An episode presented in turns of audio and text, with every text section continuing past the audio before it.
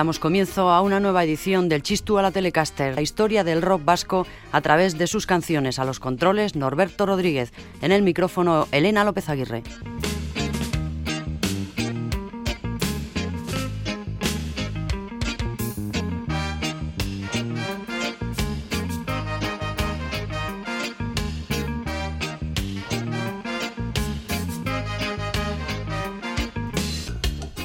Capítulos anteriores hemos hablado de los preliminares del rock vasco, de los conjuntos, de los mitos, de Bracamán, de Robbie, del nacimiento de Itois, de la verbena espectacular de la Orquesta Mondragón, de la Uchi Danfora de Rupert Odorica, de los comienzos del Tecnopop y del Donosti Sound. Y hoy estamos en 1981, un año de gran sequía discográfica, pero muy pródigo en conciertos internacionales. En mayo actuaron los Clash en el Velódromo de Anoeta. Tras cinco años de punk rock, lo único que puedo decir es que estoy sordo, declaró a la revista Muscaria Joe Strummer, líder del cuarteto inglés después de la actuación. Strummer era demasiado modesto, pues la aportación de su grupo al rock había sido capital y su influencia en Euskadi enorme. El London Calling, considerado el mejor álbum de rock de los años 80, se convirtió en el disco de cabecera del nuevo rockerío incipiente. Otro evento importante fue el multitudinario concierto antinuclear que se celebró en agosto en las campas de Isorreta, con la participación, entre otros, de David, Leño, Zarama, Nico Echar y Magdalena. Este sexteto navarro, sinfónico y euskaldún, había grabado este año en Iceta su álbum Lanean Sarchen.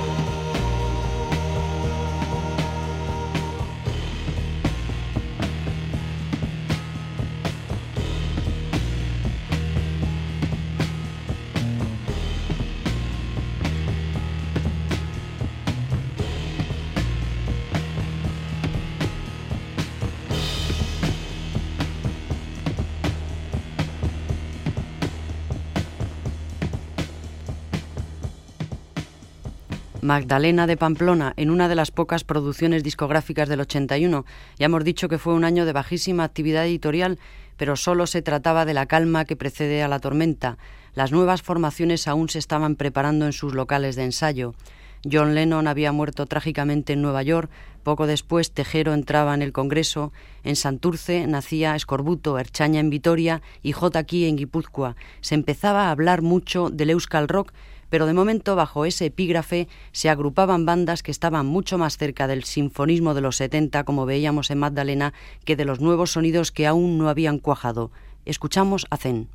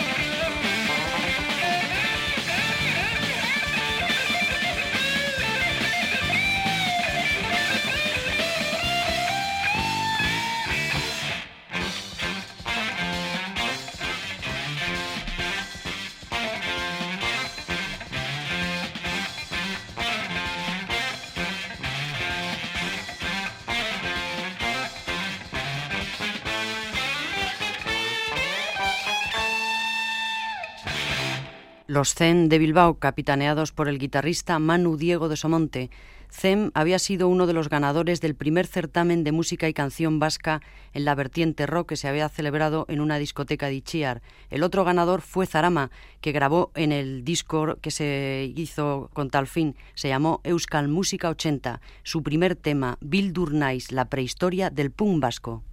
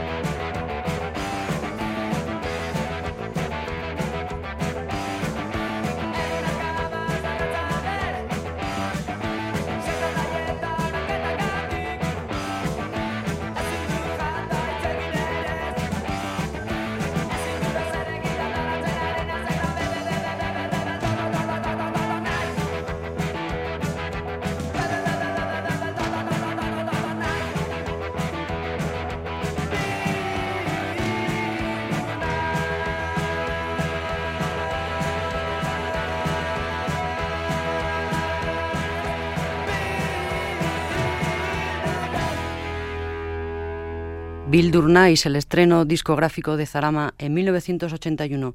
Pero antes de que el punk se impusiera dictatorialmente, no podemos dejar de hablar de una de las bandas más demenciales que jamás haya existido sobre la faz de la tierra. Derribos Arias fueron pioneros de la movida madrileña, aunque en realidad eran de San Sebastián y se habían llamado originariamente la Banda Sin Futuro, la fracción más enloquecida del Donosti Sound.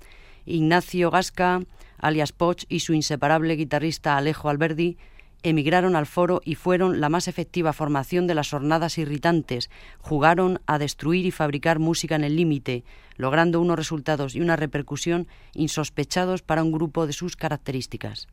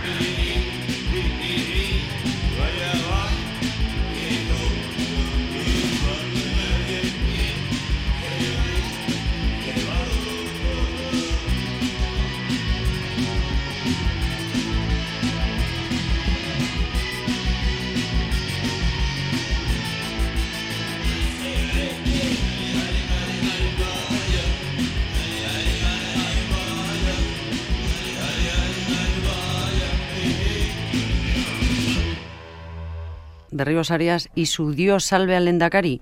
Ellos abjuraron del punk cuando la inmensa mayoría todavía no sabía ni qué era eso.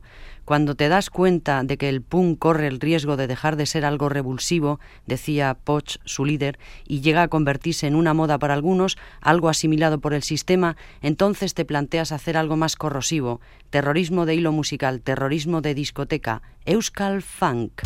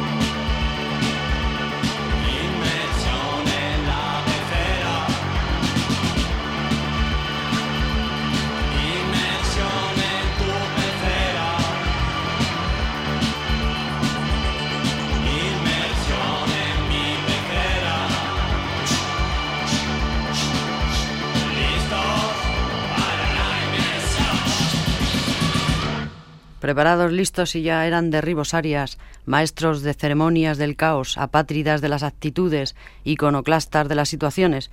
Pero vayámonos con otras propuestas más normalizadas, como la de Mogollón, representante genuino del Donosti Sound y germen de los futuros Sanchís y Jocano. Mogollón editó en el año 82 un maxi single que incluía este tema, Complot.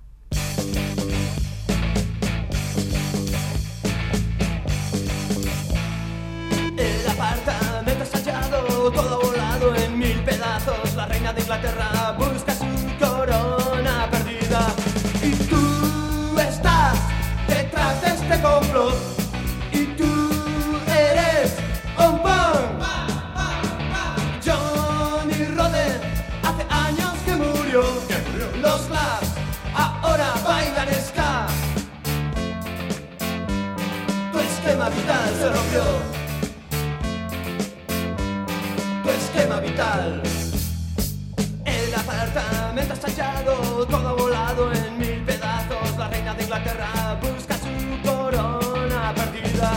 Y tú estás detrás de este complot. Y tú eres un punk.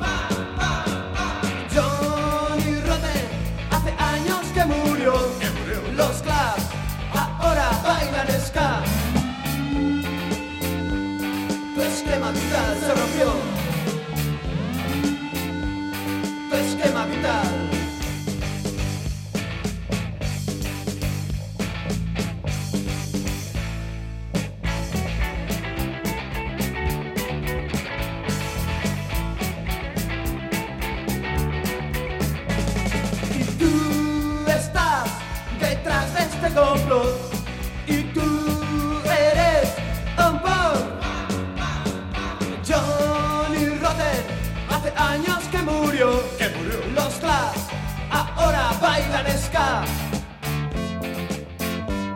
Tu esquema vital se rompió. Tu esquema vital se rompió. Tu esquema vital se rompió.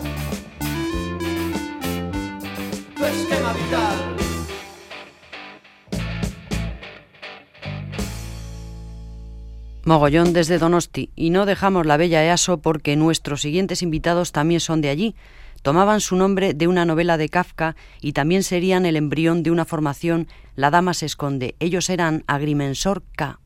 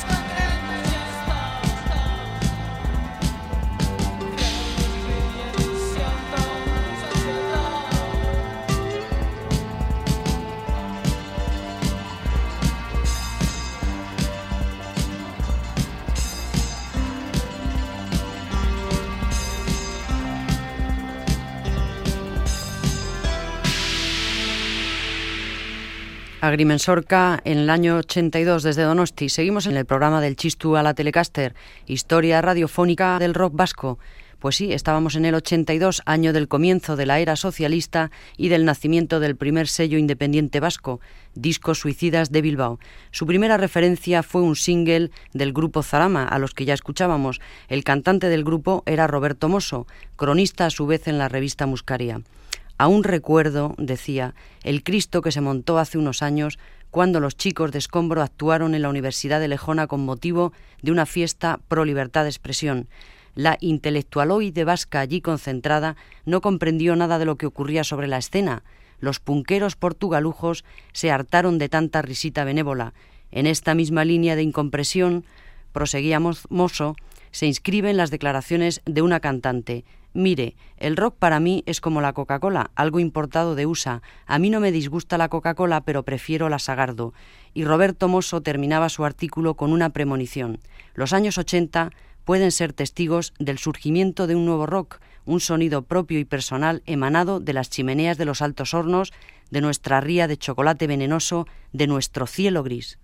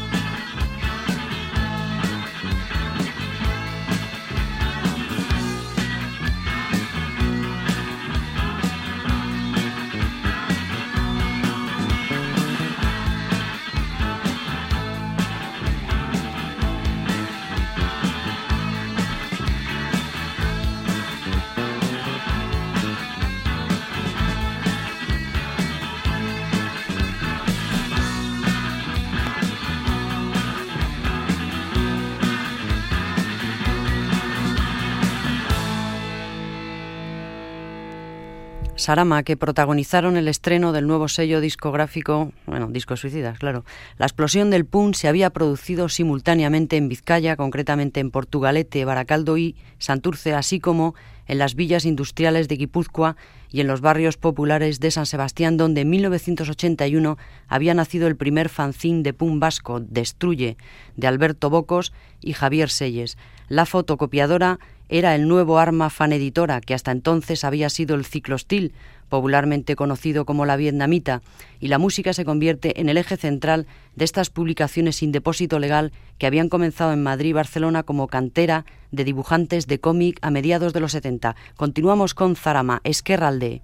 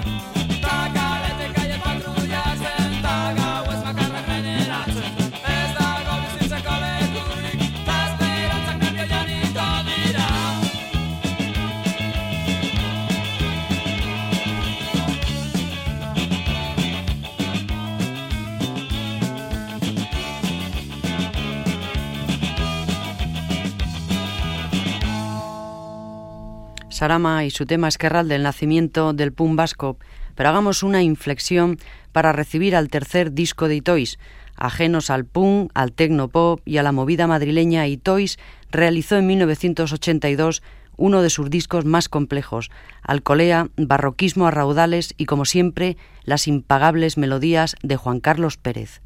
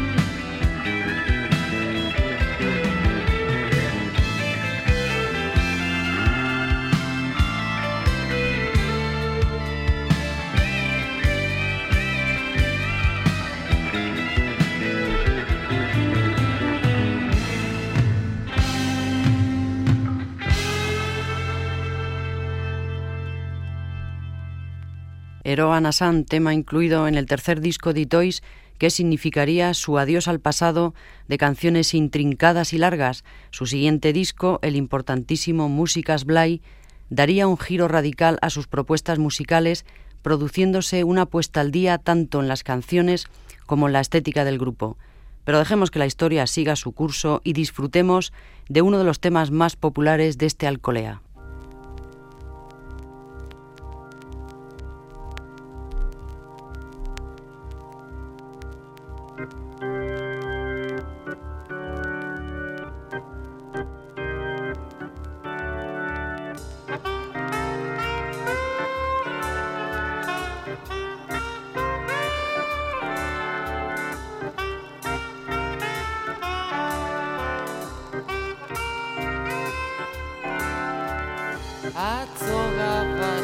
maite nintzen, ta ikusi ez neonezko argirik, Ameriketatik etorri zen, hartzainaren baserrin. Oh, Marilyn, Marilyn, la rosa eta klabelin, ximeldu da iroroi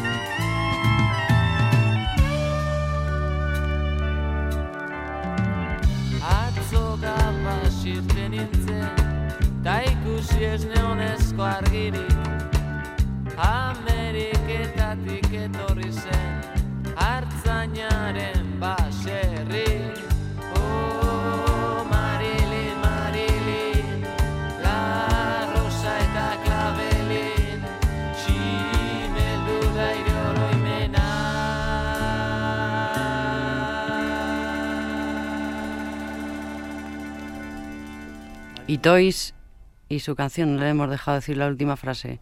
Y Toys y su canción del pastor que vuelve de América y coloca un cartel luminoso de Marilyn Monroe en el caserío.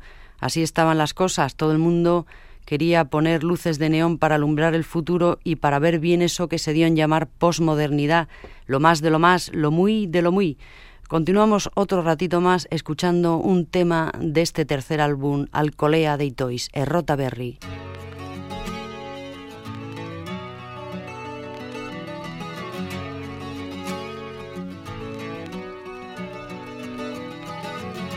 Ikusten da zure kareta oraien tartetik.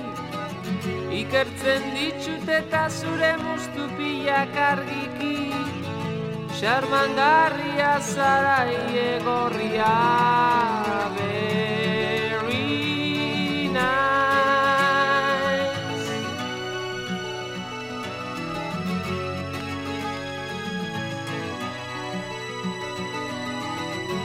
Lortzen jendeak maitatzea lehen da bizi. Hartzen zure pentsairak zerrenda principal. Komunikatzen dizkiguzu mila sekreto Alright